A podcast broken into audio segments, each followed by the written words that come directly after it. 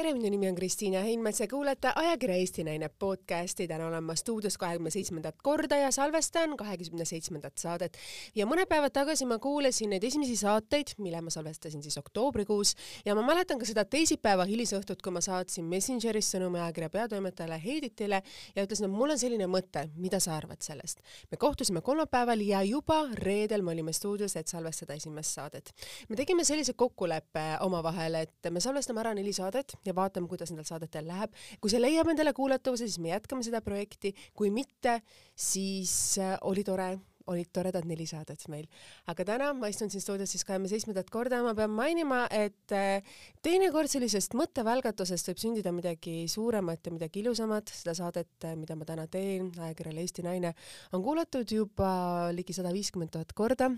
suured tänud kõigile kuulajad, kes te ikka ja jälle kord nädalas äh, vajutate oma Spotify, SoundCloudi või Delfi Disco keskkonnas seda linki ja te kuulete nende naiste imeliste lugusid, kes on siin stuudios käinud ja Heidit, äh, tervitused, musid ja kallid sulle Portugali, ma tean, et sa tegeled oma elu uue hobiga.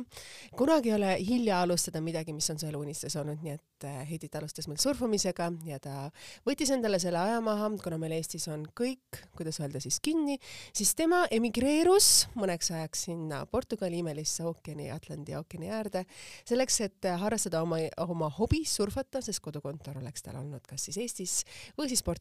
ei ole ju tegelikult äh, oluline, kus sa seda tööd teed, sest kõik on nagunii ju läbi Zoomi, nii et tervitused sulle, Heidit. ja mõnes mõttes see naine, kes on siin stuudios, on äh, olnud mulle toeks nagu Heidit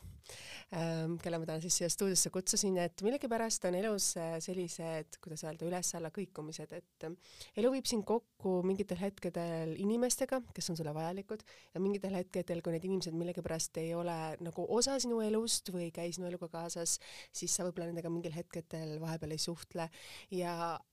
täiesti juhuslikult on olnud see naine, kes ähm, võib-olla ajakirjandusest on lugenud, kui mul on olnud need rasked hetked või sellised keerulisemad äh, perioodid oma elus ja need on jõudnud ka avalikkuse ette, siis tema on olnud üks nendest naistest, kes on kirjutanud hilisõhtul minule Messengeri, kuidas sul päriselt läheb, see sõna päriselt on väga olulise tähendusega, sest kui küsitakse üldjuhul, kuidas sul läheb, ega sa ei hakka ju tegelikult naisena kurtma, et sa ju vastad, et ah oh, ei no või no niisama või kuidagi leiad sellise neutraalse vastuse, mida meid on mõnes mõttes nagu ka õpetatud kodus, et, et ära kunagi kurda, räägi alati hästi miks sa pead nagu teisi inimesi kaasama oma probleemidesse või asjadesse. aga see sõna päriselt on andnud mulle võib-olla sellise julguse, võib-olla sellisega uh, tunde, et et äh, ma olen julgenud talle välja öelda võib-olla neid mõtteid, mida ma ei ole julgenud välja öelda võib-olla oma vanematele või oma emale või oma lähi-, lähedastemale äh, tuttavatele, et mida ma päriselt tunnen, sest ilmselgelt äh, naisena kõik need valikud, mida sa pead tegema ja hoida neid tasakaalus, on ka tema olnud nendes olukordades võib-olla, kus ka mina olen sattunud oma elus ja tal on olnud seda jaksu ja seda julgust ja võib-olla seda õiget hetke minu elus, kui ta on öelnud mulle mõne hea sõna ta on toetanud ja ta on päriselt minu jaoks nendel hilistel Messengeri sõnumi hetkedel, kui ma olen mõelnud, et ei tea, kuidas edasi, mis tundega ma hommikul ärkan, aga pärast seda, kui me oleme selle vestluse lõpetanud, saatnud need kallid emohid üksteisele, siis mina olen ärganud hommikul palju parema tundega, sest ma tean, et ma saan hakkama, sest mu ümber on inimesi, kellele ma saan alati helistada, kellelt ma saan alati abi paluda ja kes on päriselt ka minu jaoks olemas tere tulemast, imeline, minu jaoks, nagu ma alati kirjutan sulle, superwoman, palju õnne sünnipäevaks või superwoman, palju õnne sulle või tere, kallis superwoman, et kuidas sul läheb. tere tulemast, Marge Rahutava. tere tulemast, aitäh, et kutsusid ja see sissejuhatus, ähm, see tõi lausa mulle sellise kerge pisara silma, et ähm, et kuidagi niimoodi on läinud jah, et, et ähm, ma päriselt ka tahan näha nende kulisside taha, et võib-olla ma olen liiga palju olnud meedias äh, sees selle tegija poole peal ja ma tean, et alati see pilt, mis väljapoole paistab, ei ole võib-olla see, mis on tegelikkuses ja ja, ja väga tihti, kui kellegi sõbra kohta on midagi meedias ilmunud, siis ma kirjutan või helistan, ütlen, et et noh, üritan ka lohutada, sellepärast et täna on see asi uudistes, aga homme on juba uued uudised ja, ja keegi enam ei mäleta, aga me ise elame nii väga üle neid, neid valesti kajastamisi ja ja, ja hinnangute andmisi, mis noh, mis me leiame võib-olla, et ei ole päris nende inimeste poolt antud, kes on asjas sees ja teavad kõiki nüansse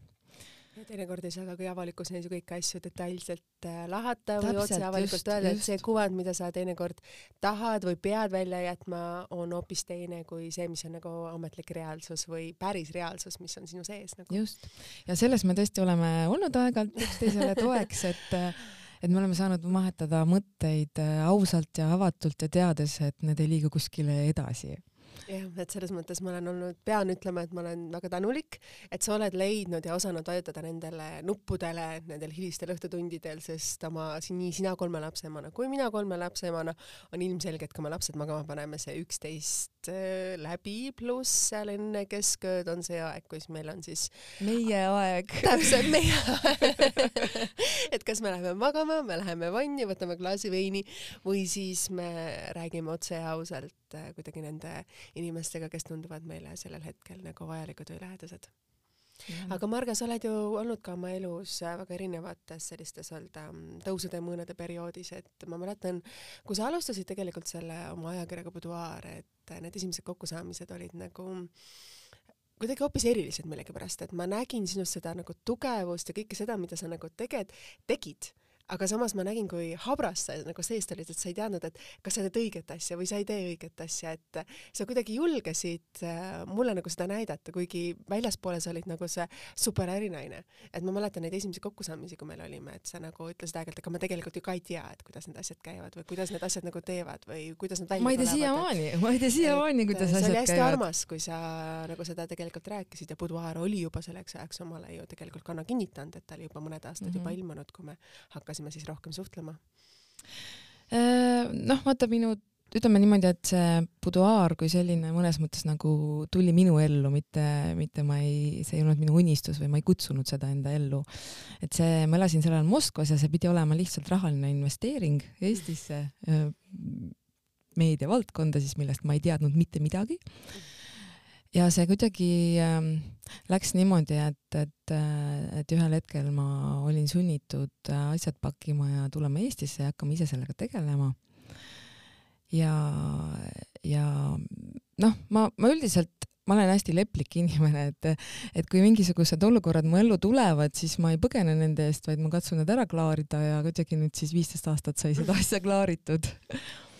kuidas see Boudoir täpselt algas, et sa praegu rääkisid, et sa olid Moskvas, ähm, see oli sul lihtsalt alguses mõte, investeering, aga tegelikult kui ma tollel ajal jälgisin sind äh, selle ajakirja algusaastatel, siis see oli ikkagi väga teadlik ja kindlassuunaline, mismoodi sa andsid intervjuusid, mismoodi sa tegelikult kajastasid seda, et sa olid väga teadlik nendes asjades. täna sa ütled, et Jaa, ei, see oli küll. nagu, aga, aga see oli nagu ei, kindel mõttes, et... meediakuvand, mida sa hakkasid läbi oma persooni looma, et see oli midagi, mida Eestis ei olnud tehtud, et sul oli oma asi, sul oli oma kaubamärk ja läbi oma persooni sa tegelikult ju seda ajakiri, ajakirja müüsid ja reklaamisid alguses, see oli väga targalt tehtud, ma mäletan ise kõrvalt jaa, no ega, ega ütleme, ma olen täna ja olin viisteist aastat tagasi turundusinimene. et, äh, et, et ja, ja teiseks, et noh, ma alati tahan teha teistmoodi asju. et mis muidugi tagantjärgi võib-olla äh, oleks pidanud algusest peale kaasama kellegi, kes on enne seda tööd teinud, kes teab, kuidas ajakirja kokku pannakse. aga, aga see algus oli niimoodi, et äh, ühed poisid pakkusid siis müügiks sellist äh, beebikingades boudoir.ee domeeni ja, ja mina ja siis üks minu äh, meessoost äripartner, me otsustasime selle osta ja, ja ütleme siis kõik see muu, mis sinna juurde tekkis, äh, paberajakiri, üritused, turg, noh, see siis on nagu ütleme siis edasiarendus pärast seda hetke, kui sai ostetud see domeen koos esimese, esimese sisuga. Ähm, jah, nagu ma ütlesin, see see see ülesehitamine oli suhteliselt teadlik ja, ja omades võib-olla keskmisest turundusinimesest rohkem sellist äh, välismaa kogemust ja välismaa nägemust, siis ma äh, hakkasingi teistmoodi neid asju tegema. ja, ja kuna ega kellel siis ikkagi noorel ettevõtjal ei ole väga raha, siis, siis ma sain aru, et, et selle raha asemel valuuta saan olla mina ise ja, ja see on väga, kuidas ma, öelda, väga õige otsus selles mõttes, et see kõik, mida sa läbi enda persooni teed, et see on ju tasuta reklaam, osta reklaamleht on kordades kallim, kui Täpselt. seda teha läbi oma persooni, müües üks osa oma elust ära mõnes mm -hmm. mõttes. siis ma nägin, et see toimib ja, ja pärast seda ma hakkasin enda tiimi kaasama kuulsaid inimesi seda ma tean läbi ajaloo ma ei tea ühtegi teist ettevõtet, kus on nii palju ilusaid ja tuntud naisi töötanud kui Budaris. Ma arvan, et siin teie majaski on päris mitu äh, säravat äh, naist, kes on olnud Budariga seotud. Aga ma, ma segan vahele, ma seda tahan tegelikult öelda, et äh, see oli väga õige otsus, mida sa tegid. üks asi, et sa said tuntuse, aga samas äh, tihtipeale, kui sa, kuidas öelda, omad võib-olla keskmisest paremat välimust, siis sul on väga suur selline mm, negatiivne kuvand, mida sulle nagu juurde nagu poogitakse või tegelikult tehakse sinu juurde, et äh, et eeldatakse, et kui sa oled ilus, siis äh, sinu oskused teha tööd on palju väiksemad, sinu soov teha tööd on palju väiksemad, et ma olen seda ise kogenud, et ma mäletan seda, et kui ma omal ajal kandideerisin näiteks üliõpilaseks, üliõpilasena, et saada endale praktikakohta, siis neid email'e, kus ma sain lihtsalt vastuseks, et et oi, väga tore, et teie ka kirjutate meile, et väga tore, et te ka ülikoolis õpite, aga aga meil on praktikakohad ikka päris üliõpilastele. et et, et, et siis on, kui tekib sul nagu sisemine küsimus, et, et kas ma nagu päriselt siis ei õpi ülikoolis, kas ma päriselt ei lõpetanud ülikooli cum laude, et aga mul on päriselt vaja teha praktikat, et selles mõttes ma pean olema siiralt väga tänulik, et TV3 mul tegelikult selle praktika praktikakoha nagu tekitas sinna, aga samas ma tean, et tollel ajal, kui ma seal olin praktikal, siis samamoodi ju öeldi, et aga mida ta siin teeb ja ta ei oska ju mitte midagi ja et selline nagu sellist negatiivsust olen mina ise nagu väga palju elus äh, kogenud ja ma arvan, et väga paljud need tüdrukud, keda ma ka tean, kes alustasid kunagi buduaaris, nad on öelnud ka seda, et nad on väga tänulikud tegelikult. jaa, paljudel oli see esimene töökoht elus, seda küll. et ka nad olid noored, nad olid keskmisest ilusamad, võib-olla nad olid olnud ka ajakirjalehe veergude vahel, aga nad mingil hetkel tegid ka ülikooli valikud, tahtsid samamoodi iseennast ju arendada, kuhugi jõuda ja sa pakkusid talle nagu päris tööd, et nad on väga tänulikud olnud nendest väga mitmed. Ja noh, ütleme niimoodi, et mina ise selle kuvandiga selles mõttes ei ole kokku puutunud, et et umbes, et, et pikk ja blond ja ju on loll. et, et võib-olla sellepärast, et, et, et ma ikkagi läksin, kui ma tulin Tallinnasse elama, siis ma ülikooli kõrvalt läksin kohe ka tööle ja selleks ajaks, kui ma ülikooli lõpetasin, siis ma olin juba suure hulgifirma turundusjuht ja, ja sealt järgmised väljakutsed, et et, et mul oli, nagu öeldakse, et inimesi võetakse tööle CV ja kogemuse järgi, aga, aga saadetakse ära suhtumise pärast. Ja, ja mina olen olnud see juht, kes tegelikult ei ole väga seda CV-d vaadanud, vaid, vaid ma olengi ette vuristanud asjad, mida ma ootan inimeselt ja olen tal siis nagu, olen ta puurist välja lükanud, hakka lendama. Ja, ja kui ta lendab ja kui ma näen, et see suhtumine on õige, siis äh,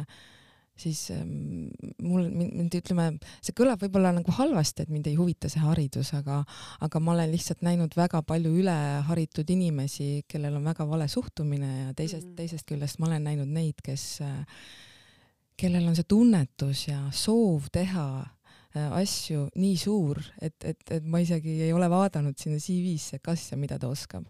ja eks me kõik oleme mingis asjas algajad ja rumalad, et, et, et mind absoluutselt ei häiri see, kui keegi on rumal ja, ja tegelikult ma ju ise olen täna oma elus selles seisus, kus kus ma alustan, ma ei tea millega äh,, olles nagu kutsikas. et, et selle kutsika teema juurde, vaata sa enne ütlesid ka, et, et alguses äh,,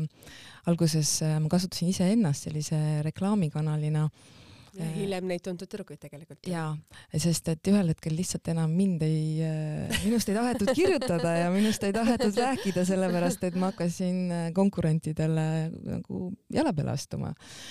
ja, ja noh, ütleme niimoodi, et, et siis tuli see aeg, kui mina alustasin viisteist aastat tagasi, ei olnud nagu eesmärk inimestest selliseid negatiivse tooniga lugusid toota. et, et äh, et siis eh, kuidagi see, see kollane meedia, see oli kuskil seal Inglismaal ja Ameerikas, aga, aga Eestis ikkagi noh, loomulikult oli, kui oli põhjust kirjutada, siis oli, aga sellist pea, pealkirjade väljaimemist erinevatest olukordadest, et, et sellist asja siis veel ei olnud. ja, ja, ja siis, kui see populaarseks muutus, siis ma ise ka hästi distantseerisin ennast meediast, sest et äh, Ehm, noh, ütleme nii, et mõnes mõttes on Budaar äh, esimene influencer, et mitte küll mina persoonina, et äh, mina ei ole influencer, aga, aga Budaar ehk minu toode on influencer. Ja, ja, ja noh, ütleme see, kuidas äh, noh, kuidas siis teised tooted, mis olid ka influencer'id onju, noh ikka ikkagi sa selles mõttes valid, kuidas ja mis koostööd sa teed. Ega ju väga paljud teised ajakirjad ja korporatsioonid ju tegid endale ka need naistelehed ja naiste ajakirja osad ja nädalalõpulisad ju tegelikult, mis olid nagu mõnes mõttes üle võetud ju buduaarist, kui me räägime ja, see viisteist aastat tagasi no,, ütleme, siis et... ei olnud ju paljusid asju, mida tegelikult sina tulid ja lõid, ütlesid, et et ilus olla ei ole häbiasi, ennast ilusti riidesse panna pole häbiasi, käia, öelda naisena, et mulle meeldib käia poes, endale riideid valida ei ole häbiasi, et seal ei midagi uut, et see on pigem nagu selline negatiivse kuvandiga asi Eestis, et sina tulid ja lõid sellesse jaa, kusjuures ma mäletan, kuidas pärast kroon-, mis ta minu Kroonika Kaane lugu Priit Pullerits kirjutas oma, oma selles ähm, kolumnis siis, et, et Marge Rahu propageerib tühisust. Aga ma ei ole, ütleme, et ma ei ole tegelikult kunagi väga teiste arvamust selles mõttes hinge võtnud, et, et mulle läheb korda see mida ma iseendast arvan. ja kuna minu enda arvamus on tavaliselt madalam kui teiste arvamus, siis isegi kui keegi ütles, et Marge, sa oleks väga hästi seal, sa olid väga tubli selle või teise asjaga või mingi, ma ei tea, teles intervjuud andes või esinedes lava peal siis ma ise alati hästi põdesin, sellepärast et ma ei jäänud rahule. ja, ja minu kolleegid võivad ka öelda seda, et, et kui uus ajakiri äh, välja tuli, siis äh, alati ma kohe hakkasin neid äh, vigu läbi käima, et näed, et seda saab teha paremini ja seda ja teist ja kolmandat ja mõnikord, kui mul oli kiire, siis ma ütlesin, et ja kõik see, millest ma ei rääkinud, see oli hästi. Aga tegelikult sa ütlesid ju väga hästi, et sa lõid ju toote, millel oli turg, mida keegi ei olnud ennem avastanud ja sellel läks ju väga hästi. sa olid influencer selles valdkonnas, mis on nagu võib-olla Kubuleritsi jaoks on see tühisus, aga see on väga suur ühiskonnast ja seega olla selle influencer ja kuidas öelda siis teha see segment enda jaoks kasumlikuks ja pakkuda nendele inimestele, kes nagu sinna gruppi kuuluvad, midagi sellist, mida nad ootavad, mis ei ole nende, kuidas öelda, vajadusi ennem rahuldanud, siis minu arust on see geniaalne mm. -hmm. Ähm, mäletan algusaegadel osad inimesed äh, arvasid, et see on välismaine ajakiri üldse, kui nad vaatasid seda esikaanti ja kõike, et aa, et see on eesti keeles, et ma ei teadnudki, sest et me kasutasime ka päris palju inglisekeelseid äh, sõnu äh, seal -hmm. sees. aga mm, mis puudutab siis seda, seda toodet ennast, et ähm, et äh, ma ise usun sellist asja, et, et ajakirjanduses ja naistele suunatud ajakirjanduses tuleb müüa unistust. et me kõik tegelikult, meil on suhteliselt sarnased elud selles mõttes, et mõni tõesti lendab äh, äriklassis puhkama, teine sõidab bussiga puhkama, aga me kõik aeg-ajalt puhkame, mõni töötab Selveri letis, äh, mõni töötab kõrges äh, hoones kuskil, väga tähtsaid numbreid lööb kokku, onju, aga, aga noh, meil on kõikidel töö, meil on sõbrad, pere ja nii edasi. et ähm, sellest on ka meie tänane podcast ja sellest käib ka see saade loodud ju tegelikult, et iga naine on lugu, olenemata, mida me teeme oma elus, oma, olenemata, millised on meie valikud, mis on, kust taustast me tuleme või mida me elus, elus me ette võtame või milline positsioon on meil või milline rahaline seis on. meil on kõik ühesugused otsused, nagu sa just ütlesid. kõik me tahame puhata, kõik me tahame süüa, kõik me tahame olla armastatud, me kõik tahame armastada mm, -hmm. me kõik tahame endale ilusat kodu, me kõik tahame just. endale ilusat pere, hoolitseda ja olla parimad äh, emad oma laste laste jaoks ja olla parimad abikaasad oma abikaasade täpselt, jaoks. aga lihtsalt erinevus on see, et võib-olla nagu mingitel ajaetappidel on meil erinevad asjad, et kui täna,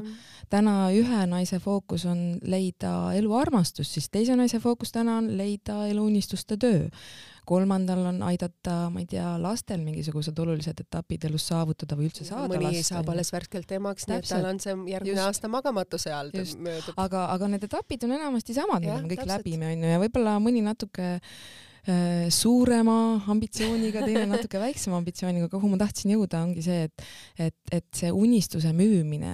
et sellest argielust välja tulla ja müüa seda elu, mida sa tahad elada, nagu hea toit, head reisid, õiged otsused äh, oma eraelus, õiged otsused oma laste kasvatamises ja loomulikult ka see, kuidas hea välja näha. sinna pole mitte midagi parata, aga, aga me tegelikult ikkagi äh, Äh, eksisteerime siin ühiskonnas koos meestega. Ja isegi, äh, isegi kui me iseenda jaoks ei taha olla ilusad, siis teiste naiste ja teiste meeste jaoks äh, tasub ikkagi ka natukene vaeva näha, sest et see, see positiivne tagasiside, mida sa saad see, see laeb. tead, mina vaidleksin täna siin vastu, sest ja sest kui mina olin teismeline, siis äh, mul oli nagu selles mõttes kõik antud, et ma tegin lihtsalt niivõrd palju trenni, et ma ei pidanud suurt vaeva nägema. ja ilmselgelt äh, oli see ka minu kasuks mingil hetkel mängis, aga ilmselgelt, kui sa lõpetad nagu need trennid, trenni tegemised ära, siis su keha ja organism ka muutuvad, siis sa pead oma elus tegema teised valikud, sain ka sellega hakkama. terved kahekümne, kahekümnendad aastad, kui ma olin see kakskümmend pluss, siis ma kogu aeg tahtsin olla ilus kellegi teise jaoks, ma ei tea, kelle iganes asjade jaoks, ajakirja esikaane jaoks või teis, teiste jaoks. kuidagi kolmekümnendad olid need, kus sa nagu, nagu selline tulemöll või selline Ameerika mäed üles-alla, et nii või naa või kuhu edasi, siis täna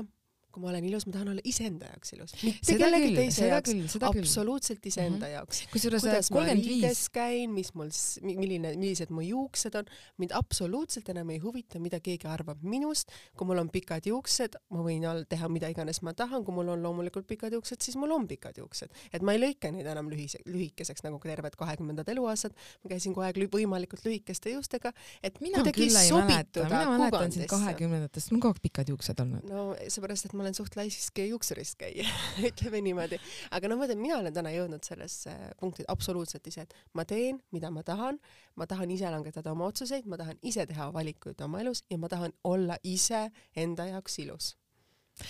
Äh, ma olen nõus sinuga, aga ma räägin nagu üldiselt seda sellist nagu naise, naiseks olemise asja, et et ma arvan, et see,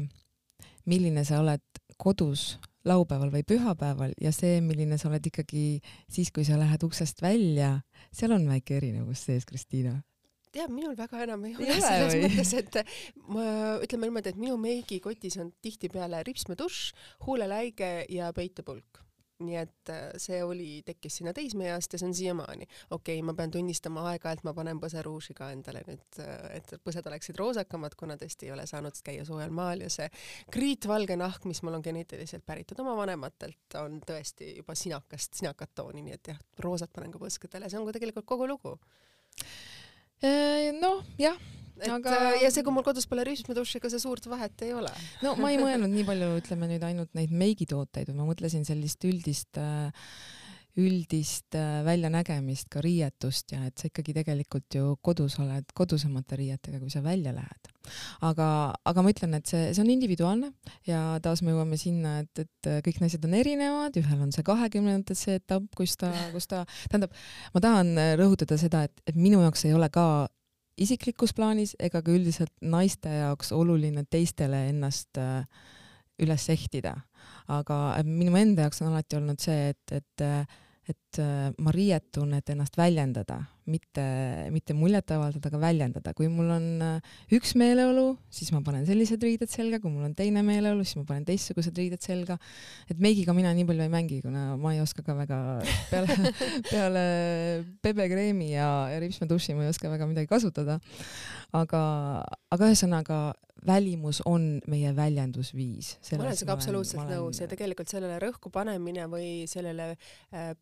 rõhu, mitte rõhu, mitte rõhku panemine, vaid sellele tähelepanu pööramine on oluline tegelikult ühiskonna osa. et meie võime mõelda, et see on tühisus, aga see ei ole tühisus, sest see, kuidas sa välja näed, kas sul on pluust triigitud või sul ei ole pluust triigitud, kas sul on, kuidas öelda, kaks numbrit väiksem seelik seljas või sul on vastavalt sinu kehatüübile seelik seljas, see ikkagi näitab austust, kuidas iseennast austad. et kui sa tuled välja, sa oled sätitud, siis see näitab, et sa austad ka iseennast. ja tead, seal on veel üks punkt, ma ei taha siin inimeste nimesid nimetada, aga aga siin Budaari galaüritustel on teinekord äh, jäänud silma, et et kui on pandud, et, et palun tule pidulikus riietuses, siis näiteks mõni kuulsus ilmub kohale teksapükstes ja Quessi T-särgis. ja, ja aga võib-olla see on tema jaoks pidulik riietus pigem ei ole. aga ütleme nii, et vaadates, vaadates, kuidas ta muidu riides käib ja, ja minu jaoks see on ka tegelikult lugupidamine ürituse korraldaja ja teiste inimeste suhtes. seda kindlasti. et, et vot vanakooli artistid, et alles oli üks tore saade Anne Veskist ja siis ma vaatasin ja ta rääkis oma riietusest Mhm, ja, ja sellest, kui tähtis äh, rituaal oli see õigesti riidesse panemine. aga, aga tänasel päeval noh, paljud artistid võib-olla ei ei pea seda nii tähtsaks ja see on ka okei okay,, see on nende identiteedi osa, aga, aga, aga ma ikkagi äh,, mulle meeldis rohkem see aeg ja mulle meeldivad rohkem need artistid, kes äh, kes üllatavad sind ka mitte ainult oma imelise lauluhäälega, aga, aga suudavad ka nende outfit idega sul noh, sõna otseses mõttes selling the dream.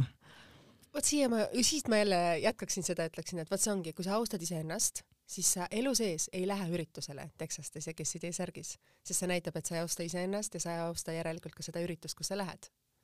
pigem, pigem ei austa üritust, kuhu sa lähed. ja sa ei austa ka iseennast, kui sa lähed sellistes riietes, see näitab, et sa ei austa iseennast, et sa ei pea lugu iseendast ja sa ei pea lugu ka sellest üritusest ju. et see on ju tegelikult üks osa sellest, kui me räägime. ja presidendi vastuvõtul on ka seda tegelikult ja. ju näha olnud, onju. et, et oskus austada iseennast on võib-olla kõige olulisem, see on võib-olla midagi, mida meil tegelikult ei õpetata, et kõik, mida sa elus siin teed, teed sa ju iseenda jaoks kuidas sa näed välja, milliseid valikuid sa oma elus teed, see on siis enda jaoks mm. -hmm. no ma parandaks, et ma arvan, et meile ei õpetatud, sest et see, see põlvkond, kus meie kasvasime, see ei olnud nii teadlik nendest asjadest, mitte et meie vanemad oleks midagi valesti teinud, aga lihtsalt nendest asjadest ei räägitud, need ei olnud olulised, aga, aga ma arvan, et meie oma lapsi küll valmistame natuke teistmoodi eluks ette ja, ja minu enda põhi eesmärk lapsi kasvatades on see, et ühel päeval, kui mind ei ole enam neile toeks, siis neil oleks kergem elada. et ma ei taha, ma ei taha neile midagi ära teha nende eest. Äh, ma pigem tahan näidata kätte need võimalused, mis nendes endis peidus on ja need, need noh, mõnes mõttes ka ühiskonna reeglid ja asjad onju et, äh, et, et selles mõttes on rõõm elada praegu sellisel infoajastul, kus, äh, kus me saame võib-olla olla natuke targemad ja teadlikumad lapsevanemad absoluutselt, ma olen sinuga absoluutselt nõus, aga hakkame algusest pihta.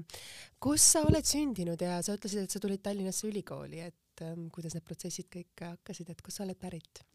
mina olen pärit Valgast, olen lõpetanud äh, Valga gümnaasiumi. ja kuidas sa Tallinnasse sattusid, Valga on ju nii hoopis kaugemal, kindlasti Läti oli sinu jaoks ja Riias käimine oli võib-olla sinu jaoks olulisemgi kui Tallinn ma olin enda jaoks otsustanud, et kuna ma ei tea, kelleks ma saada tahan, siis ma õpin midagi sellist, mis haridusega on äh, midagi peale hakata, nii et äh, valik oli majandusteaduskond ja seda sai valida siis kas Tartusse või Tallinnasse tulla õppima. ja, ja Tartu mulle lihtsalt, kuna mul vend õppis Tartus Ülikoolis arstiteaduskonnas, siis, äh, siis me olime seal päris palju käinud ja mulle Tartu ei meeldinud ja oh,, ja, ja ma otsustasin. kui sa ütled, et sul Tartu ei meeldi, siis sa oled ju kohe persona non grata Eesti ühiskonnas, sest Tartu on ju kõige tähtsam. ei, tänaseks ma olen oma arvamusi muutnud, aga, aga, aga ütleme selles vanuses ma olin seisukohal, et äh, Tartu on nõme ja, ja Tallinn on äge ja, ja, ja seetõttu siis äh, sai, sai äh, valitud Tallinnasse õppima tulemine ja ja kui sa sattusid Valgast Tallinnasse, et ähm, kuidas sa ennast tundsid, et ikkagi Valga on ju väga pisikene koht võrreldes Tallinnaga, kuidas hakkama said, kus sa elama läksid? Äh,? ma elasin Ühikas koos oma teiste maalt tulnud sõbrannadega. Ja, ja siis äh, see, ütleme niimoodi, et äh, et, et võib-olla see ongi mind ajendanud enda lapsi paremini eluks ette valmistama, sellepärast et, äh, et see, kust ma tulin mul, mul oli ikkagi nagu raske kohaneda natuke teistsuguste tingimuste, iseseisvuse ja selliste asjadega.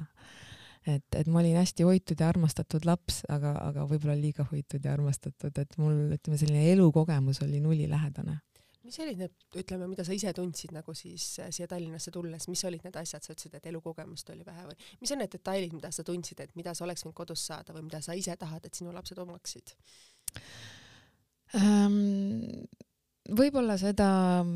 õigust ise rohkem otsustada enda asjade üle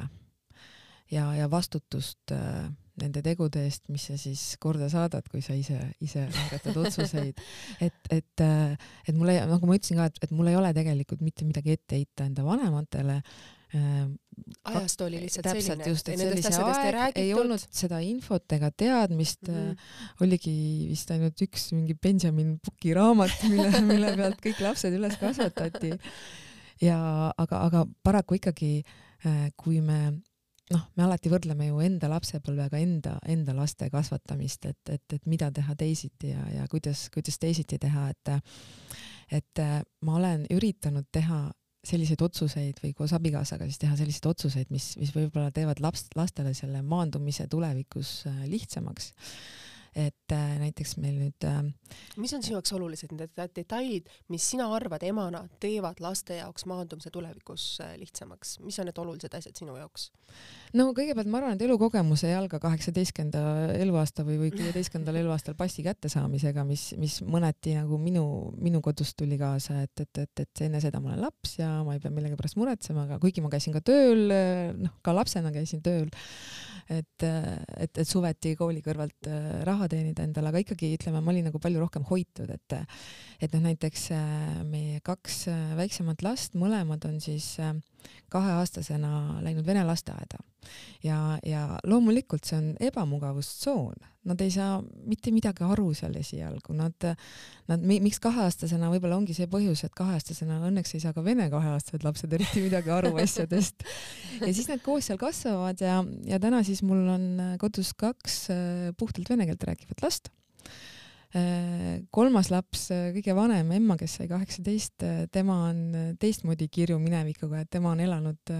lihtsalt erinevates riikides ja, ja, ja ütleme enne, enne kooli pigem oli tema inglise keel oli see, mis oli tal, tal suus.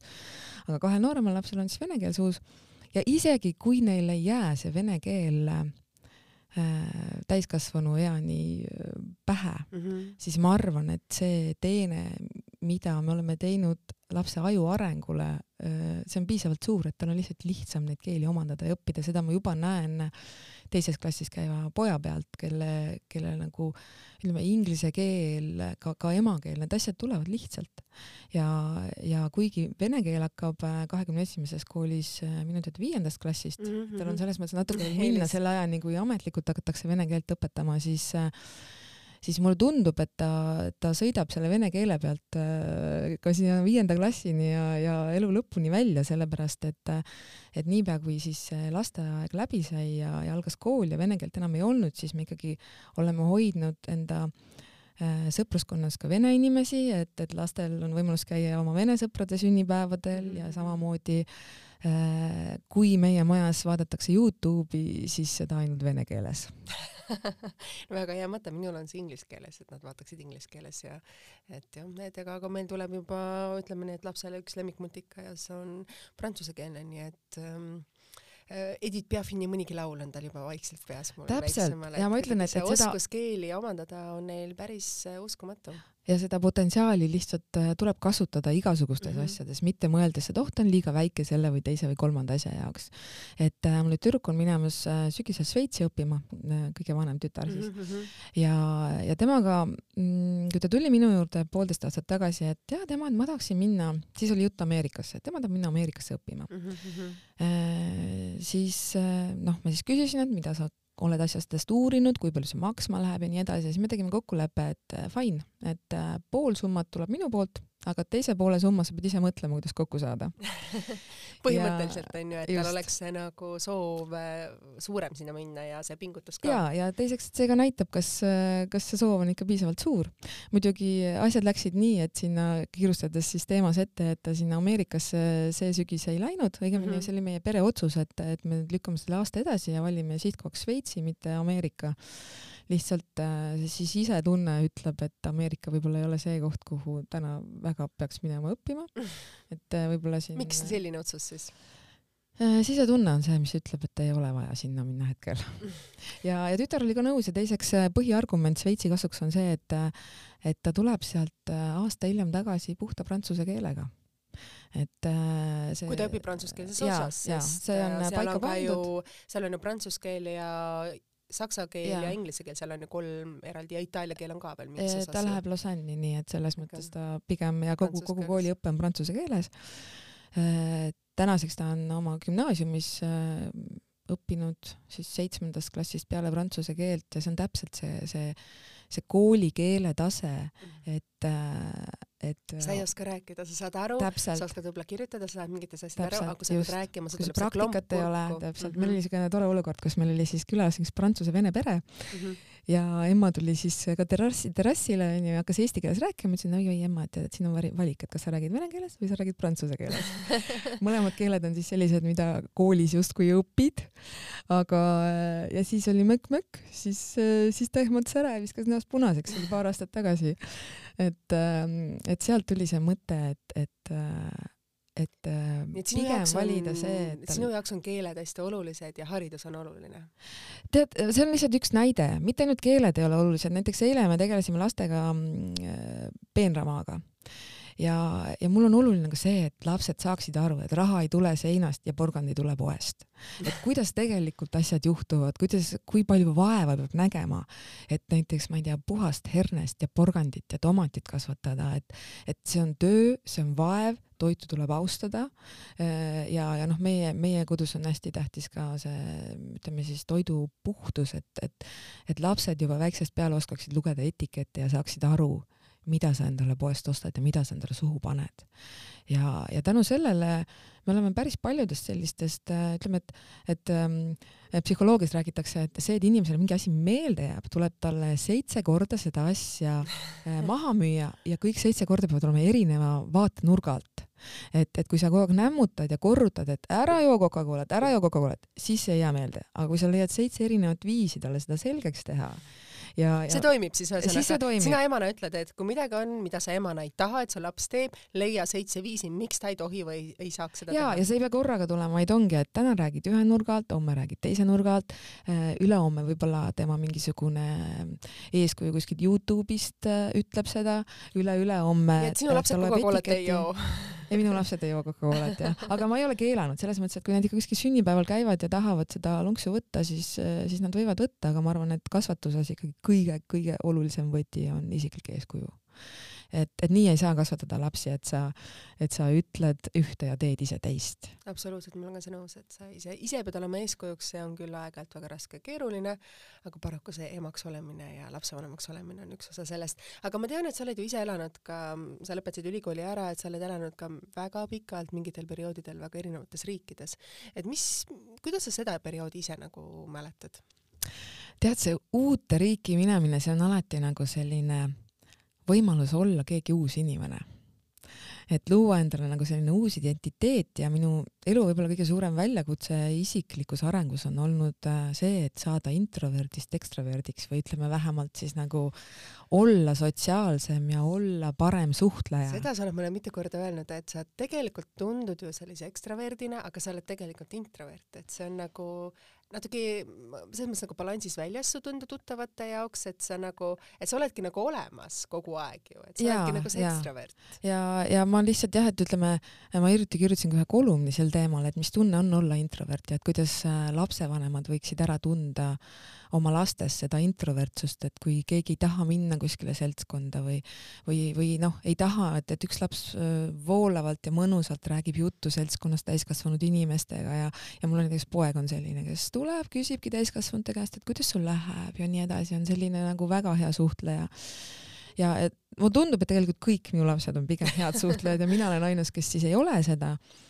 ja, ja mina ikkagi läbi ajaloo olen pidanud sundima ennast sellisteks viisakusteks, äh, selliseks nagu small talk'iks, sest et mind see tegelikult ei huvita. mind huvitabki, kuidas päriselt inimestel läheb, mind huvitavad äh, sellised ähm, kiiksuga asjad, teistsugused teemad, näiteks äh, kui sa läksid nendesse erinevatesse riikidesse, sa ütlesid, et sa igas riigis lõid endale nagu uue identiteedi või see oli nagu või see oli, see, see oli see võimalus, jaa. mis olid nagu need asjad, kui sa, mis on näiteks esimene riik, kus sa siit Eestist välja sattusid? esimesena ma sattusin äh, ülikooli ajal äh, Saksamaale üheks semestriks ja, ja seal ma elasin veganite perekonnas ja, ja see oli selles mõttes minu jaoks nagu negatiivne veegani kogemus, kuna Eestis siis sellest ei räägitud veel mm -hmm, mitte mhm, midagi, see mm -hmm. ei mhm. olnud nagu mingisugune teema, võib-olla keegi, kellel oli tervisehäda, jälgis neid väärtushinnanguid. ja, ja seal oli huvitav see, et et ma võtsin äh, selle ühe, ühe kvartaliga võtsin äh, kaheksa kilo juurde oh. sest et ma sain aru, et selline, selline mm, taimetoit äh, tõstis hästi palju minu söögiisu ja, ja, ja ütleme, see, see õnneks tuli kõik alla, kui ma hakkasin jälle liha, liha sööma. aga, aga noh, täna ma olen jälle pigem ütleme selles laines, kus, kus ma söön päris vähe liha ja ma söön küll kana ja kala, aga ütleme, kõike muud ma söön kuus üksikut korrad ja mitte sellepärast, et mulle ei, ei maitse või et ma oleksin väga suur mingi keskkonnaaktivist, vaid äh, ma lihtsalt tunnen, et mu keha ütleb, et, et nii on lihtsam olla ja sama tegelikult alkoholiga. et ma võin võtta klaasi veini kuskile hea toidu kõrvale, aga aga minu jaoks suurem väärtus on see, et ma saan äh, oma autoga oma koju sõita peolt, kui see, et kas ma võtan selle klaasi või kaks, äh, kaks veini. et jälle, ma ei ole vastu. oskus hoida ennast tasakaalus, ütleme niimoodi, mida sa oled ka siis ütleme aegadega õppinud, et elus on erinevad perioodid olnud. jaa. et ühtegi ähm, äärmusesse ei tasuks laskuda. ütleme nii, et, et äh, siis selline pikem periood, kui me elasime Taanis siis me, siis ütleme. sul sündis ka laps seal? jaa, just. ja, ja siis oli minu abikaasaks oli professionaalne jalgpallur Andres Ooper ütleme siis elukaaslaseks, mitte, mitte abikaasaks. ja, ja tagasi mõeldes sellele ajale, siis, äh, siis kui emma oli väike, siis me kolisime ära Moskvasse elama ja, ja ja ma lihtsalt mõtlesin ja me arutasime, aru, arutasime tollal Andresega ka mitu korda, et et miks ei oleks võinud olla vastupidi, et me oleme Moskvas siis, kui me oleme vabad ja vallalised, selles mõttes, et ei ole, ei ole veel nagu lapsevanema kohustusi mm -hmm. ja, ja elame Taanis siis, kui me oleme pereinimesed, sest et see, see Taani, see ühiskond õpetas mulle hästi palju neid pereväärtuseid, mida mida noh, ma küll kodust, äh, mul oli selline traditsioon, traditsiooniline ideaal perekond on ju, kus, kus ongi ühe vanema või, või, või samade vanemate poolt on terve elu kasvatatud äh, lapsi koos ja õnnelikult ja kus lapsed ei ole kunagi näinud mingit vägivalda ega, ega joomist ega midagi sellist onju. aga, aga Taanis ma nägin seda nagu siukse nagu supertasemel, et ma töötasin ühes ettevõttes, mille nimi oli Albatross Seafood ja mis siis tootis äh, erinevaid äh, Äh, mereanni produkte, meil oli ka tootmine Moskvas ja tegelikult see Moskva armastus mul tuligi sealt, et me hakkasime liikuma äh, või ma hakkasin käima Moskvas komandeeringutes. ja siis ma sain aru, see oli minu selline, ma olin, ma olin küll ütleme reisinud ja olin maailma näinud, aga ma ei olnud kunagi elanud suurlinnas ja ja see ja see ütleme äh, noh. võlus sinu ära? see võlus mu ära ja selles mõttes, et ütleme, et, et, et see oli nagu siuke excitement selles mõttes, et, et sa saad aru, kui ebaoluline ja väike mutter sa oled. et noh, siin Tallinnas ka juba nagu kõiki tundsin, keda mul oli vaja tunda ja kui, kui ma ei tundnud, siis see kontakt oli kahe inimese või ühe inimese kaugusel onju, et kõik kuidagi tundus hästi lihtne olema. kodune selline. aga sa ütlesid, et Taanis sa juba töötasid ühes ettevõttes, et sa läksid ju Eestist ära tööd leida seal, uuesti alustada. kas oli raske või keeruline, sa ütled, et sa oled introvert ja sa sattusid sellisesse ettevõttesse tööle, et siis järelikult ei ole Ehm, noh, ma olen töökas, ma olen töökas inimene ja, ja on olnud olukordasid elus, kus ma ütlengi, et las ma teen tasuta, las ma näitan sulle. Ja ka täna ma, ma ei, ütleme, ma ei karda tööd, ma võin ja, ja ma ei häbene tööd, et selles mõttes, et et äh, mul läheb silm särama ka näiteks klienditeenindajana, et, et mul, mul ei ole see, et, et ma ei pea olema direktor, aga ma pean tegema mingit asja, mis, kus ma näen iseenda jaoks seda pointi ja kus, kus mul. see on sinu jaoks ka oluline. ja, ja, ja loomulikult ma ei näe ennast noh, tulevikus, et ma nüüd lähen ja hakkan klienditeenindajaks äh, järgmised kolm aastat. aga kui mõni sõber ütleb, et kuule, Marge, tule mul suveks appi siia terrassile tellimusi võtma, siis, äh, siis ma suudan endale selle ja mul ei ole mitte midagi muud teha siis ma arvan, et see oleks põnev väljakutse just tõestamaks iseendale äh, noh, kuidas, kui palju mul õnnestuks ekstrat müüa, sest et tihti, kui ma käin restoranides söömas, ma, ma olen selles kliendi rollis, mulle väga meeldib käia söömas erinevates kohtades, siis, siis ma näen seda ma mõtlen, et miks sa praegu ei küsi, et kuule, et aga kas sa tahaksid natuke seda siia juurde või, või kas sa tahad teise käigu juurde teist klaasi mm. veini, siis ma kogu aeg mõtlen enda peas, et mõtlen, et noh, et, et mina teeksin nii ja naa ja teisiti. aga, aga kui sa päriselus oled selles olukorras onju, et vot siis see, siis on see reality check, et kas sa tegelikult äh, suudad siis olla nii hea, nagu enda peas ette kujutada. aga kas siit võib välja imbuda sinu tulevikuplaan, sest sinu abikaasa on toitlustusäris juba sees, ta on seda aastaid teinud ja miks mitte te võiks siis oma ühise restorani restorani luua, kui sa siin räägid, selline silm särab äh, restorani ei, kogemustest asjadest, et ma lihtsalt praegu ei, ei, see, see oli lihtsalt, kuidas öelda, selekteerin või kompan pinda ei, see oli lihtsalt näide, et ma lihtsalt tahtsin öelda, et minu äh, aga sa ei ole mõelnud selle peale, et kui sul on abikaasa selle valdkonnaga seotud ja koos midagi luua no ta, ta tegelikult ei ole toitlustusäris, ta on äh, ütleme siis toidu tootmise äris. no selles mõttes küll, et ta toodab seda toitu, aga sellest valdkonnast ju ikkagi eraldi arendada see restorani teemat, et ehm,. noh, ma olen selles äris olnud natuke vastpidi sees, aga see ettevõte aga seekord sa ootad midagi muud ja midagi uusi teistmoodi väljakutseid no ma ei oota midagi, ma arvan, et ma ikkagi ise, ise avan neid uksi endale, et, et, et see ei ole päris nii, et ma nüüd istun ja ootan, et mis juhtub, tähendab selles mõttes, kui ma küll, küll ma istun ja ootan, et et millega ma võiksin tegeleda. aga mm, praegu kui palju olen... sa usud sellesse, et, et sa oled õigel ajal õiges kohas, et iga asi tuleb sinu juurde sellel õigel hetkel, et palju sa selliseid asju usud, mis on hästi populaarne, kui sa loed igal peal, et et ole olemas, küll kõik asjad jooksevad sul kokku, küll iga asi tuleb selle lauale sellel hetkel, kui on õige, kui palju sa sina sellesse usud? Ma usun, et peab olema õnne, aga ma arvan, et, et mitte midagi ei juhtu niisama, ükski suur asi ei tule niisama, sa pead räigelt pingutama, räigelt tööd tegema, on see suhtes või on see, on see töös. Ja, ja niisugune tore mees elas Ameerikas nagu William Bridges mm, -hmm. kes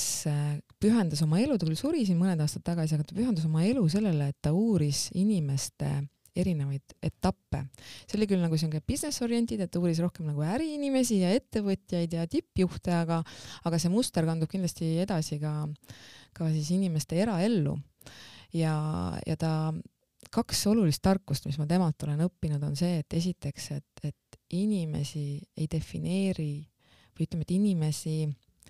uus etapp inimese elus ei alga mitte mingisuguse uue asja algusega, vaid vana asja lõpuga ja, ja,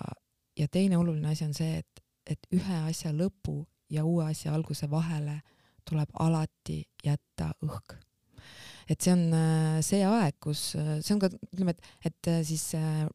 härra Bridges tõestas selle nagu ka faktide pealt, Ameerika edukate juhtide pealt ja, ja eraeluliste lugude pealt ära äh, aastatepikkuste uuringute käigus, et, et see õhk seal vahel on see, mis tõstab sinu järgmise etapi kvaliteeti ja, ja ma ise tunnen praegu seda, kuidas äh, ma küll olen nüüd tööst, aktiivsest tööst võtnud äh,, ma võtan kohe äh, kõrval kolmteist päeva aga issand, jälle kolmteist? jaa, täpselt. aga, aga, aga ma tunnen, kuidas äh,, kuidas minu kui inimese kvaliteet praegu tõuseb. et ma olin sellises oravarattas, ma ma tegin äh, nii kodus kui äh, tööl, noh, üritasin anda endast maksimumi, ma olin nagu katki minemise piiri peal ja, ja see, mida ma praegu teen, selle asja nimi on mitte millegi tegemine. Ma loen raamatuid, äh, ma tegelen aiatöödega, ma tegelen nende asjadega, näiteks eile käis mul see uuskasutuskeskuse auto käis asjadel järel, ma siin nädal aega pakkisin asju kokku, mida ma ei vaja oma ellu, et saaks, et saaks nagu puht, puhtaks kõik selle lehe. Et see on nagu mõnes mõttes nagu aastaajad, et, et inimene vajab äh, oma ellu talve. Ja seda mitte ainult elutalvena, et a la, et kui ma olen kaheksakümmend, siis mul on elutalv,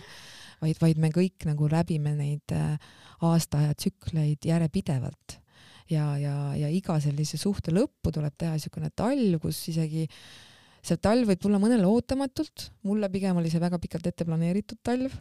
ja sest sa müüsid ju Buduaari tegelikult ju TV3-le ära kolm juba, aastat tagasi ja, sul oligi see leping, et sa oled kolm aastat seal tegelase rollis. et siis nüüd on aeg minna edasi. aga ma läheks ka tagasi sinna Moskva perioodi veel okay., et me kuidagi jälle jõudsime igale poole mujale jälle laiali omadega, et aga mis oli see Moskva periood, miks sa nagu sinna tahtsid minna, et sa ütlesid, et see oli sinu jaoks nagu midagi müstilist, et olla see väike mutrike selles linnas, et ja kuidas sa sellele tagasi nagu ise vaatad ja analüüsid? no see Moskva periood äh, tegelikult äh, tuli mu ellu läbi minu lapse isa ja teistpidi siis läbi minu tööandja, sest et siin vahepeal äh, sa ütlesid, et sa käisid komandeeringus seal äh, Taanist ja, küll jaa, aga siis ma vahepeal jõudsin juba siin, äh, kuna ma otsustasin, et ma tahan tulla äh, ikkagi äh, Eestisse, olla nagu ühe jalaga rohkem Eestis ja ma tulin ka sünnitama Eestisse, sellepärast et, et see Taani äh, see Taani meditsiin tol ajal oli enam-vähem selline nagu Eesti meditsiin praegu, et,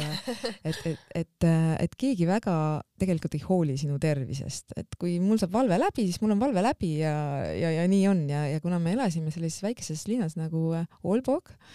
siis äh, seal seal ei olnud mingit tasulist ämmaemanda teenust ja seal ei olnud palju selliseid, olid sellised ämmaemandad, kes ei rääkinudki inglise keelt ja mina ei rääkinud nii hästi taani keelt ja ja siis see kõik kuidagi niimoodi läks, et ma otsustasin, et ma, et ma tulen ära sünnitama Eestisse. Ja, ja siis ma jäin nagu rohkem Eestisse ja siis kuidagi, kuna ma ei oska ka lapsega, ma ei oska väga kodus püsida, onju, siis selle kõrvalt sai hakata, hakata vedama siis jalgpallikooli eh, püsti panna meil oli ühel hetkel oli seal ligi nelisada last kirjas ja, ja teisel hetkel siis ma avastasin, et, ähm, et ma sain Sportlandi, äh, minu üks niisugune läbi aja üks vägevamaid, ma arvan, eeskujusid ja mentoreid on äh, Are Altraja, kes siis tegi mulle pakkumise tulla hakata Sportlandi turundusega tegelema. ja, ja see töö siis, äh, kuna minu elukaaslane sel ajal kolis siis Taanist ära Moskvasse mm., siis, äh, siis Are kohe suutis mind adapteerida, ütles, et aga kuule, aga et äkki sa siis hakkad nagu Sportlandi asju rohkem Moskvas ajama. et, et kuidagi ütleme, need need asjad on kõik ise lahenenud, et mul ei ole olnud elus mingisuguseid selliseid suuri unistusi, mille poole ma püüdlen, et ma olen pigem see, kes. Äh, kas sul täna on need unistused? ei, mul on palju väikseid, mul ei ole sellist ühte suurt unistust, et, et ma ütlengi, et, et mul on nagu mingisugused komponendid, mis on must have, mis peavad pildis olema ja. mis on need komponendid, mis on sul must have? No eks need on ka läbi aja on, on muutunud, aga, aga ütleme hetkel ikkagi lisaks äh, perele ja üldiselt inimsuhete väärtustamisele on kindlasti ikkagi mul veel eneseteostus on ka oluline komponent, et, et ma päris kindlasti ei ole see, kes tahabki olla see, kes kodus teeb ainult süüa ja koristab ja ja transpordib lapsi ja, ja ütleme, need teenused tänasel päeval on nii odavat sisse osta, mm. et ma pigem veedaksin oma lastega kvaliteetaega, et ma olen olnud see ema, kes äh, ühe käega on arvutis, teise käega keerab see, see nagu siis teeb pliidi peal suppi ja siis justkui on lapsega kodus, mis tegelikult see laps on üksinda kodus ja mina olen oma asjadega kodus, et ma ei, ma ei vaja siukest elu enam, ma olen seda proovinud. et ma pigem väärtustan seda kvaliteetaega, väärtustan seda, et ma saan midagi lastele õpetada, midagi anda, midagi koos teha, sest et need on asjad, mida ma ise mäletan oma elust et, et ikkagi koos sellised reisid vanematega, kus, kus nad ongi pühendunud minule, mingisugused sellised isaga metsa jooksmised, mingite takistusrida, radade tegemine metsas ja nende läbimine võimalikult kiiresti, et sellist kust sa seda energiat äh, kuidagi, kuidas ikka leiad, et kui sa lähed hommikul noh tööle, sa teed päev läbi oma tööasju, sa tuled õhtul koju ja kas sul on jaksu seda kõike teha? Päris ausalt. mul on tahtmist seda asja teha, mul jaksu ei ole. Ja, ja äh, usu, et neid, neid õhtuid, kus ma olen nutnud ennast lihtsalt magama, et, et, et ma enam ei jaksa, neid on, neid on piisavalt palju olnud, aga ma olen ka seda õppinud, et, et nutmine kohutavalt laeb. Ja kui sa saad kuskil üksinda, ma ei tea, mingit kappi koristades natuke ära nutta või, või, äh, või siis ma ei ole väga selline, kes käib teistele niimoodi kurtmas, et ma pigem, pigem nagu tahangi iseendaga olla et jooksmine ja nutmine on kaks asja, mis mind laevad. ja, ja pärast seda mul on alati palju parem olla. mis on sinu soovitus nagu selline, et kui sa tunned ennast nagu nii madalalt või kuidagi nagu, et sul ei ole jaksu, kus sina ise seda jaksu enda jaoks ammutad? ma usun ühte asja, ma usun, et kõik on nakkav ja, ja inimesed, kes sind ümbritsevad need on kõik nakkusallikad heas mõttes ja halvas mõttes. et kui sa ümbritsed ennast inimestega, kes on inspireerivad, kes on tegusad, julged, võimekad, siis, siis see nakatab sind ka ja muidugi on erandeid, kus võib-olla need inimesed äh, hakkavad sind hoopis nagu rusuma, et miks mina ei ole nii tubli, aga mul on ka vastupidi, et kui ma suhtlen selliste ägedate inimestega, siis ma saan nendest jõudu ja inspiratsiooni. kui ma suhtlen oma lastega, siis ma saan nendest seda positiivsust ja tõesti ei ole päeva, kus ma südamest ei naera, sellepärast et nad korraldavad mingisugust, nad ütlevad midagi sellist või teevad midagi sellist, mis lihtsalt on nagu noh, nagu, nagu paneb sind neid akusid kohe laadima, sest et nad, on kõige parem seltskond, et introverdile võib-olla ongi see, et, et, et sa naudid seda laste seltskonda rohkem kui võib-olla sellist äh, suuremat seltskonda. Kui sa nüüd oled kodune selles mõttes, sa ütlesid, et sa oled kolmteist päeva olnud kodune, sa oled ära koristanud oma kort-, ütleme korter, vaid oma suure elamise, oma maja, kõik selle äh, õhu puhtaks saanud, mida sa tahaksid, mõnes mõttes on ju siis uus hingamine, meil on kevad, uus hingamine, linnud laulavad, puud on kohe õitsevad, lillekesed on sul peenras, sa istutad herneid, ma nägin, et sa leotad neid, et vist maha siis istutada koos jaa, siis nad hakkavad kiiremini idanema, ma tavaliselt viskan kahekümne neljaks tunniks likku enne et eh, täpselt, et kuhu siis edasi praegu, et kuhu sa edasi tahad, et kaua sa tahad puhata, kaua sa tahad mõelda, et kuhu edasi? Eh, nagu sa ütlesid, meil on väljas kevad, aga minu ütleme siis sellisel karjääritsüklil on hetkel talv ja, ja seal on veel eh, sügisest on isegi mõned eh, korpatanud õunad puu otsas. mitte küll minu aias, aga ütleme siis nagu sellises Hinges. karjääri, karjääri aastaaegades ja et kas sa tahad võtta mingi, nagu sa ütlesid ka, et sa usud sellesse, et erinevate etappide vahel peab olema õhk, ja et sa võtad selle õhu enda jaoks praegu. No see, see on loogiline, et ma seda tahan võtta praegu, ma üle pika aja olen hakanud jälle raamatuid lugema, ma siin häbiga uhkustasin just äh, sõprade ees, et kas te kujutate ette, et ma ei ole kaheksa aastat ühtegi raamatut lugenud? Ja vanasti ma neelasin neid. et äh,, et täna just äh, avastasin enda jaoks fantastilise raamatu, mida ma julgen soovitada kõikidele teistele ka. selle raamatu nimi on Gastrofüüsika oi, ja see on väga keeruline. see, see. tundub väga keeruline, aga tegelikult see puudutab absoluutselt igaühte meist ja, ja see ongi siis sellest, et et kuidas siis, see on jällegi selline, ütleme, teaduspõhised faktid on kokku kogutud ühte raamatusse ja, ja, ja samas ta on selline nagu mõnusalt ameerikalikult loetavalt kirjutatud eestikeelne raamat ja, ja seal on näiteks, sa saad vastuseid igasugustele sellistele asjadele ähm, noh, kasvõi näiteks see, et, et miks ikkagi kätega süües on toit parem, näiteks ütleme, me kõik armastame võib-olla kõik ei söö, aga kõik armastavad hamburgerit ja pitsat, mis on käetoit, on ju, siis noh, me perega oleme palju käinud Marokos. meil on niisugune äh, see Marrakech on meie pere siuke üks, üks lemmiklinnasid lisaks siis äh, Ladina-Ameerika linnadele. Ja, ja seal inimesed ka söövad käega toitu, näiteks isegi kuskussi äh, sa võtad, keskel on suur siuke toiduhunnik onju, igaüks võtab käega enda kaussi, ei ole niimoodi, et sa, et sa tõstad seda kuidagi lusika ja kahvliga ja ja see oli äge peatükk, mida ma just täna lugesin, kuidas siis äh, lusikas või see kahvel ja nuga mm, et noh, et energeetiliselt ja ka nagu ütleme, mida see meile tekitab, on ju, kui me, kui me nii siukeste külmade ja, ja neutraalsete asjadega seda toitu sööme, mitte kätega. ja samamoodi äh, näiteks väga põnev oli mul teada saada, et äh, et äh, Inglismaal on siis viimase paarikümne aasta jooksul seitsekümmend kaheksa protsenti inimestest ütlesid, et nad enam ei kutsu endale külalisi. sest et nad ei viitsi teha süüa, sest see on suur töö ja vaev. Nad ei taha, sest et sellega on peavalu. ja siis ma just lugesin ja mõtlesin, et jumal tänatud, mina veel kutsun külalisi ja mulle meeldib teha kolm käiku sööki ja ja loomulikult, kui ma seal köögis toimetan ja külalised naudivad veini ja nii edasi, siis ma mõtlen, et et no miks, miks mina nagu nüüd siis, miks ma tegin jälle siuke a la carte menüü, et umbes, et sellel ajal, kui külalised söövad esimest käiku, siis mina valmistan teist käiku, onju. Õnneks mul mees on ka söögitegija, et siis me kuidagi saame niimoodi kombineerida ja et, et kes millist käiku teeb. ja me oleme ka nüüd liikunud sinnapoole, et äkki mingeid asju natuke ette teha, et kõik ei oleks päris siukene a la carte, aga ma, ma tõeliselt naudin seda sellisest väiksemas seltskonnas selliseid intellektuaalseid vestluseid äh, noh, ma, ma olen selle nõus nimel seal köögis passima viis tundi järjest, et, et ma saaksin sellise, sellise õhtuse naudingu. ja, ja noh, ütleme, et, et miks see nii on, miks nii väheks on jäänud seda, on tegelikult see, et. mis sa ise arvad, miks sa ise arvad? no kui sa vaatad ka poodidesse, siis äh, inimesed on läinud ära kiirtoidu peale ja, ja ma ei mõtle mitte ainult pitsat ja hamburgerit, aga, aga nad ostavad ka poest selliseid asju, mida, mis võtavad hästi vähe aega. kui äh, mingi aja eest äh, jälle kuskilt jäi mul mingi statistika silma, et, et, et siin äh, kümmekond aastat tagasi kulutas perenaine kolm tundi päevas köögis, siis, siis nüüd on see kolmkümmend kopikatega minutit et, Aga et lihtsalt nad võtavadki pas, poe pastapakk ja pelmeenid ja mis võtabki mingisugune kakskümmend minutit ja on valmis, onju. aga samas ütleme see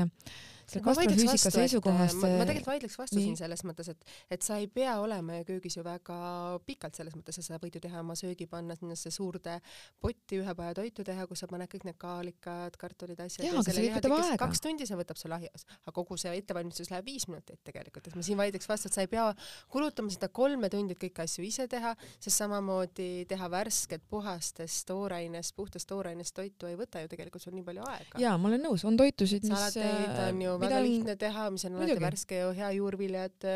panna ahju tükeldatud, et see samamoodi, et läheb viis minutit ettevalmistuseks, pool tundi ahjus on sul ju suurepärane praad, nii et ma siin vaidleks no minul ahi ei kiusata poole tunniga selliseid asju valmis, aga ma olen nõus, et on neid toitusid, mida saab teha, aga minu perekonna näol ma võin vist kõikide meie liikmete eest äh, seda öelda, et me oleme gurmaanid, me tahame maitseelamusi, me tahame väga head jah, toitu siis, siis läheb sul pikemalt et äh, ma tahan eksperimenteerida, ma tahan proovida nii ja naa asju teha. et äh, see on juba spetsiifiline. jaa, just. et jah, et see on juba spetsiifiline asi, kui sa veedad kolm tundi, et ma sellepärast ütlesin, vaidlen siin kohe vastu, sest minul on endal tihtipeale ikkagi see ähm, teha head ja värsket toitu, osta see hea tooraine, aga võimalikult vähe selles aega, kuidas öelda siis, kulutada. ja no see on üldine trend, just et. teha, aga samas ma ei osta neid valmis asju, valmis tooteid, mitte kunagi neid kotleid aga see on usun, pigem et korra nädalas lõbu, mitte lõbu, vaid siis ma teen gurmee õhtusöök, kui ma ostan need päris kotletid, mis on kuidagi seal tehtud Jaa, ja, või mingisuguse grillkana, ütleme korra nädalas või midagi taolist, et see on Aga- nagu lastel mingi pidulik õhtusöök. aga kui sa vaatad äh, poelettidele siis see osakaal, selliste toitude osakaal on Väga nii palju suur. tõusnud Mm -hmm. ja, ja see tegelikult ju ega poed ei võta sisse asju, mida inimesed ei taha osta. See peegeldab tegelikult kõik need viinerid ja vorstikesed ja, ja noh, ütleme nii, et, et kui mul oleks aega, siis ma tahaksin ka need vorstikesed ise teha, aga ütleme, et, et ma olen ikkagi nagu piisavalt äh, elu, elu uudishimulik, elu suhtes uudishimulik, et ma ei, ma tõesti ei taha kulutada igapäevaselt sellist aega kuskil köögis. Sa korra mainisid ka seda, et sa oled täna dieedil,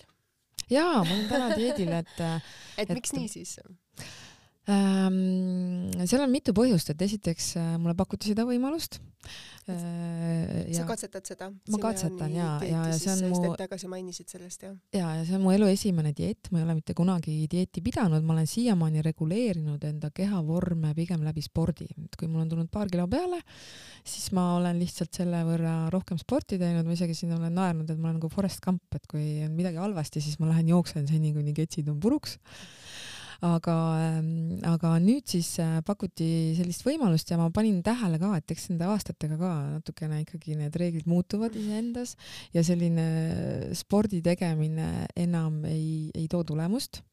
ja, ja mul oli siis eesmärk viis kilo alla võtta, millest ma siis nüüd olen äh, võtnud kolm pool kilo alla juba. ja, ja see on siis äh, doktor Simeonsi dieet, kus siis on sellised äh, magusad asjad on kõik ja, ja jahu, jahuga seotud asjad on kõik äh, välja jäetud menüüst ja, ja ma olen üliuhke enda üle ja ülitänulik selle võimaluse eest, sest et ma tegelikult olin väga suur magusasõltlane terve elu. ja, ja nüüd on siis mul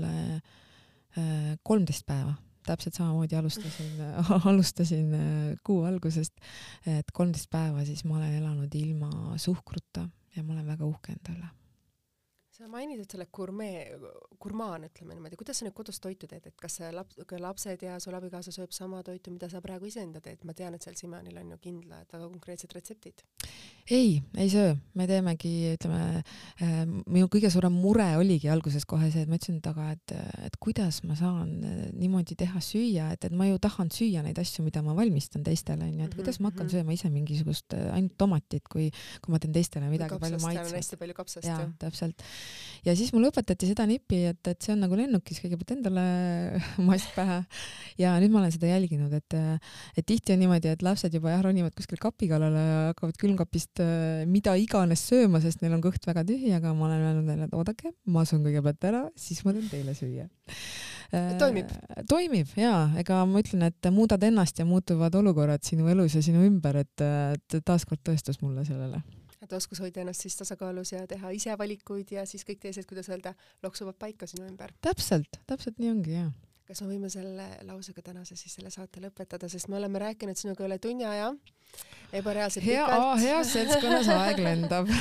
ja ma ütlen, et äh, kui ma tavaliselt alati räägin palju vahele või niimoodi, siis äh,